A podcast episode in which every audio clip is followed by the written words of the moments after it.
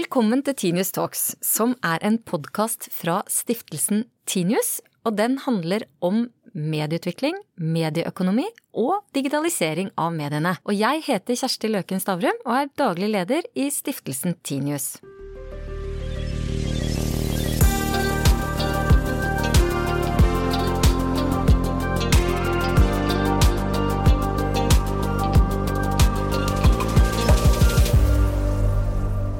Heller ikke denne er pensum, men skal derimot være veldig fristende å høre på. Det vi skal snakke om nå, er det som stadig oftere blir nevnt som det neste området for disrupsjon, nemlig edtech. Og for å være litt pedagogisk, så betyr det altså undervisningsteknologi. Og til å snakke om det, så har vi fått en pappa faktisk, som hadde lyst til å knekke lesekoden. Og det er Daniel Senn. Velkommen til deg. Takk skal du ha. Og til å snakke om undervisningsteknologi sammen med Daniel og meg, så har vi produktansvarlig i Learnlink, Tellef Tveit. Hyggelig å være her. Veldig bra at du kunne komme. Vi må stupe rett inn i dette selskapet som dere henholdsvis eh, jobber for. For Daniel, du jobber i Poyo. Hvorfor ble det eh, knekke lesekoden? For meg så er dette det startet veldig personlig med et problem som jeg på en måte hadde selv i familien. Jeg fikk en sønn som ble født med veldig dårlig hørsel. Og så fikk jeg liksom raskt forståelse for at liksom det kunne føre til forsinka språkutvikling og at det ville være utfordring i forhold til å lese. Og når jeg da snakket med eksperter, så kunne de fortelle meg at her må vi kompensere med massiv mengdetrening, så vil dette gå bra. Og så ble jeg jo litt bekymret når jeg snakket med andre eksperter som sa at uh, hva skjer med barn hvis voksne mennesker gir dem massiv trening i veldig tidlig alder på en litt voksen måte? Da utvikler barna ofte negative læringsspiraler, sånn at det på en måte gjør vondt verre. Uh, så det var på en måte mitt utgangspunkt, at jeg tenkte jeg må finne en måte å lære disse kritiske basisferdighetene rundt lesing på en måte som gjør at man kan trene på det over lang tid og ha selvtilliten og selvbildet i god behold og ha det gøy mens man gjør dette. Ja, for hva er det Poyo da egentlig er, eller gjør? Poyo er, det er jo en barnebok, og så er det en spillplattform. Og så er det en ny metode hvor vi på en måte motiverer barna til selv lære seg å lese, med fokus på det å knekke lesekoden. Og, de, og, i LearnLink TLF så um, tilbyr dere også hjelp, men på et litt annet nivå? Ja, vi hjelper egentlig alle elever fra grunnskolen til videregående. Uh, det hele startet med at vi, jeg selv var pedagogikkstudent og jobbet på skole, og så at det var mange som trengte ekstra oppfølging, enten fordi de ikke klarte å henge med på undervisningen i klasserommet, fordi de kjedet seg, eller Altså, de aller tristeste historiene er jo de hvor liksom elever blir tatt ut av klasserommet, ikke får lov til å være med, eh, og kommer hjem og føler at de ikke har noe selvtillit i faget lenger. da. Eh, vi så at det var mange som slet med det, eh, og vi ønsket å gjøre noe med det. Så sammen med noen medstudenter så lagde vi en plattform der eh, vi tok og replikerte egentlig Studas-ordningen fra universitetet, hvor eldre studenter hjelper de helt nye studentene. Uh, og vi gjør det med elever på grunnskolen. Så er det studenter som via nettundervisning, uh, via Skype eller chat eller virtuell tavle, hjelper elever på og utenfor skolen, uh, slik at de kan lære i sitt tempo, får tilpasset undervisning som gjør at de kan være med på det som skjer på skolen, og slipper å falle fra eh, racet, for det er det mange som gjør i dag, da. Eh, altså Daniel, hva, hva, var det som eh, fikk deg til å tro at du kunne løse dette? Jeg, jeg, jeg så ganske tidlig at jeg har jo to barn, eh, at eh, digitale verktøy ga de motivasjon og inspirasjon til å prøve å finne ut av ting selv på egen hånd. Og i forhold til at jeg selv har erfaring med å måte, lage digitale verktøy og jobbe med digitale tjenester, så tenkte jeg at her har jeg ferdighetene til å faktisk både bruke innsikten min ved å studere mine egne barn, og utvikle et verktøy som fungerer for dem. Jeg har jo utviklet spill- og læringsverktøy tidligere. Eh, så, sånn så, har jeg noe produksjonserfaring og nettverk og kompetanse til å på en måte kunne sette, gjøre selve produksjonen. Eh, så har jeg også jobbet som lærer, jeg er utdannet pedagog. Eh, så jeg hadde jo også, det var lett for meg å på en måte snakke med forskere og, og pedagoger som har masse erfaring med dette. Fordi mange hevder jo at det har tatt veldig lang tid for undervisningssektoren å ta i bruk digitale verktøy. Har du noe Tellef, du som da tross alt var lærer da du kom på dette. Hvorfor, hvorfor har det tatt så lang tid? Det er et vanskelig spørsmål på hvorfor det har tatt lang tid å ta i bruk digitale verktøy i skolen. I skolen så har vi en tendens til at der skal problemet løses selv. Eh, der er det læreren som skal skrive boken. Eh, og i en mer globalisert verden da, så gir det litt lite mening for meg. Jeg tror det også har vært en del skuffelser i utdanningssektoren og blant lærere i, både på 80-tallet, på 90-tallet, og at man har hatt veldig høye forventninger lenge. At man kanskje ikke har klart å innfri. Det, det tror jeg på en måte har gjort, gjort, at man også har blitt mer konservative. Så det tror jeg er én årsak. Så tror jeg en av årsakene til at man ser at det skjer ting nå, tror jeg også er at teknologien har blitt veldig moden, og utbredelsen er eh, Kompetansenivået er høyere. Eh, så det er, det, er sånn, det, er, det er, jo ekstremt kostbart å innovere innenfor dette feltet. Hvor mye tid, penger, krefter har du lagt inn for å utvikle Poyo, f.eks.? Det er hele livet mitt i fem år nå, med barn og familie, naboer og utrolig mange som har gjort det gratis. Hele gata er med, liksom? ja, ja, så stemmene til nabojentene med mine barn er stemmer. Jeg leser jo teksten, og er stemmen selv. Eh, vi har brukt enormt mye gratis eh, innsats eh, for å klare å få til dette med så enkle midler som noen penger på, på huslån og på, og på noen enkle kulturmidler. Og det vi startet med, var var relativt lite. Har du hatt en drøm om å tjene masse penger på dette? Nei, det har ikke vært utgangspunktet. Interessant å se, da, å se det du forteller, opp mot den pågående diskusjonen om hvor mange lærere vi mangler. Nå tror jeg jeg leste helt nylig at det er jo stadig 5000 lærere. Og så lurer jeg litt på har dere ingen digitale tanker rundt, rundt hva vi trenger, egentlig? Eh, hvis vi de, eh, tar ditt eksempel, Daniel. Eh, hvor mange lærekrefter tror du du har spart systemet for ved å lage denne kontra da som var alternativ for din sønn, nemlig massiv læringsinnsats? det, det, er veldig vanskelig å, å, vurdere, men jeg har snakket med flere spesialpedagoger som har sagt at dette er det billigste verktøyet de har vært borti. Det er jo litt sånn at man ser på en skole, så ser man liksom man har en tavle, man har en lærer, man har en elev, og så har man noen bøker, og så liksom digitaliserer man bøkene, da med en iPad, og så liksom skal man ha Jeg tror det der å tenke på dette som sånne selvstendige komponenter som skal digitaliseres, er kanskje hovedproblemet, og grunnen til at vi ikke har kommet lenger. Man må klare å løfte dette opp og se, se potensialet på en annen måte. Og sånn sett så blir jo lærernormen litt underlig oppi dette, da. Hvis du kunne hatt Poyo inn istedenfor X lærekrefter, kanskje?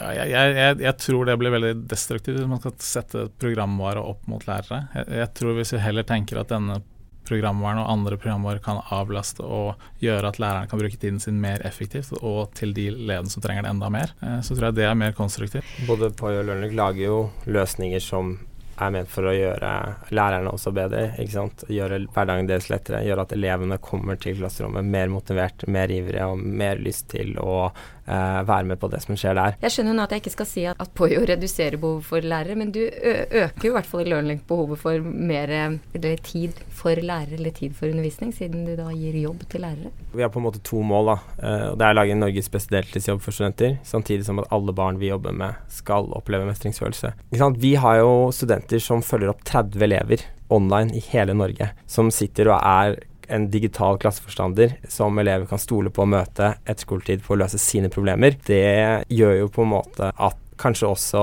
litt som du sier da, det mangler mange lærere. Kanskje vi kan klare å få noen studenter til å ville være lærere. For i andre skandinaviske land så er det stas å være lærer. Det er eh, stolthet rundt det yrket. Mens i Norge så Jeg har gått på det studiet. Det er ikke Det er utfordringer der. Eh, I Norge er det mye kulere å bli oljeingeniør. Det har i hvert fall vært lenge fram til den siste tiden, og det er litt dumt. Eh, det burde jo være stas, og eh, man burde være stolt av å gjøre en sånn viktig jobb.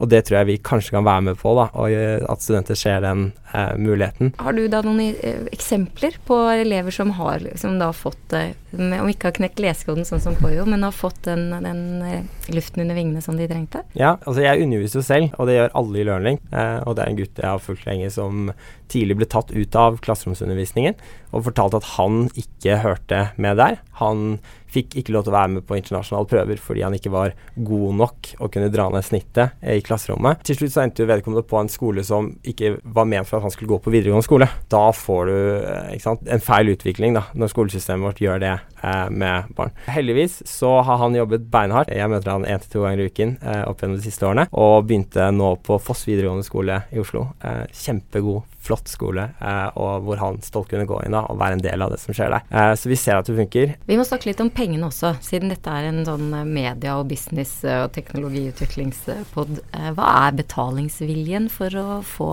ekstra verktøy, Daniel? Jeg tror når, sånn som i vårt tilfelle, når foreldre og lærere ser at det fungerer, så tror jeg betalingsviljen er veldig høy.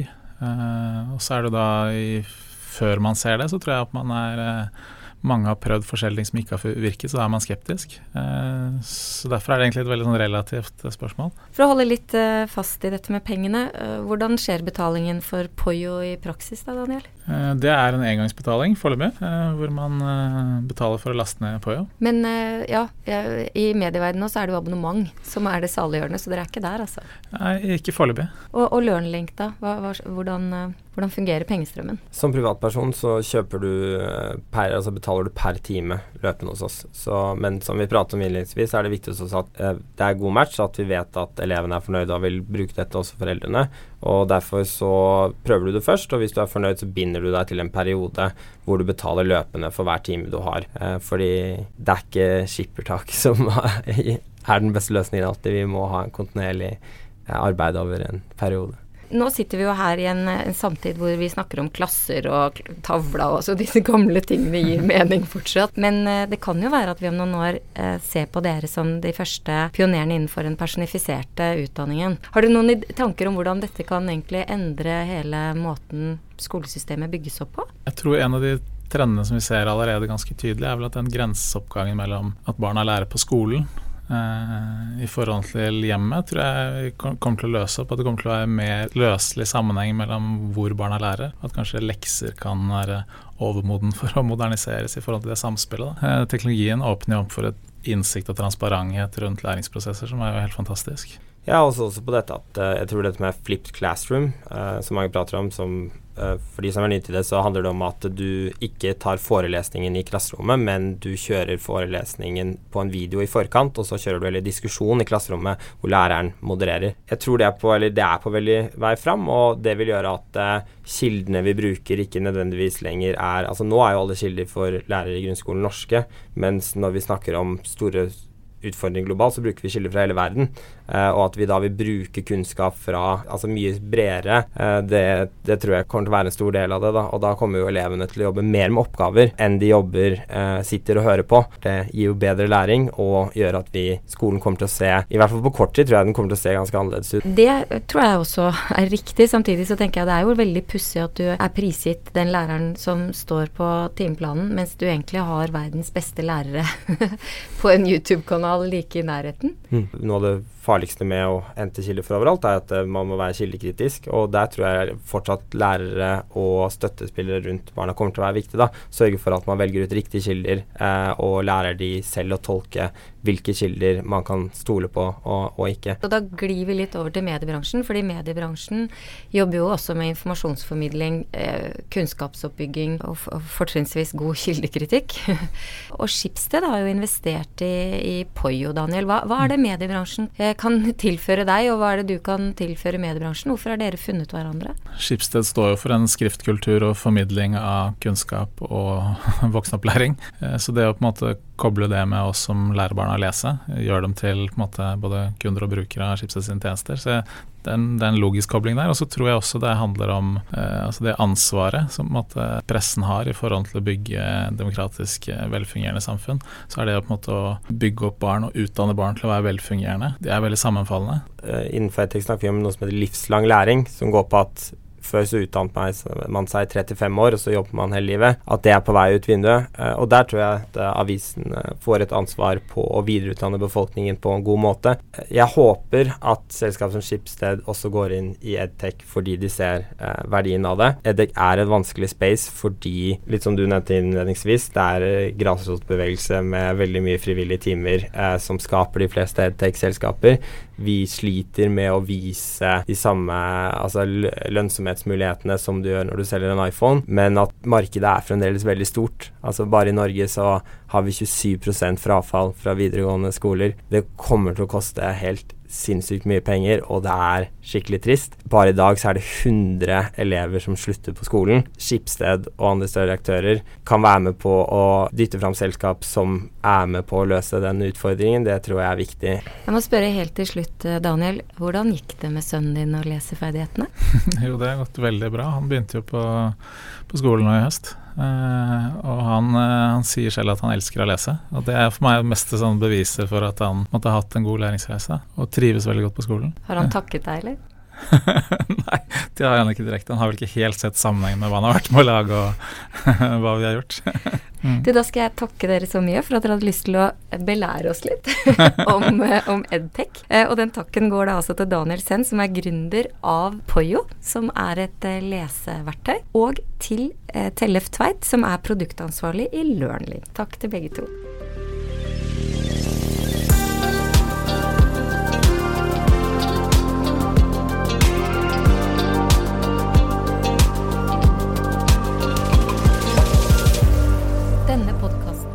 Produsert av Hansine Korslien for Stiftelsen Tinius.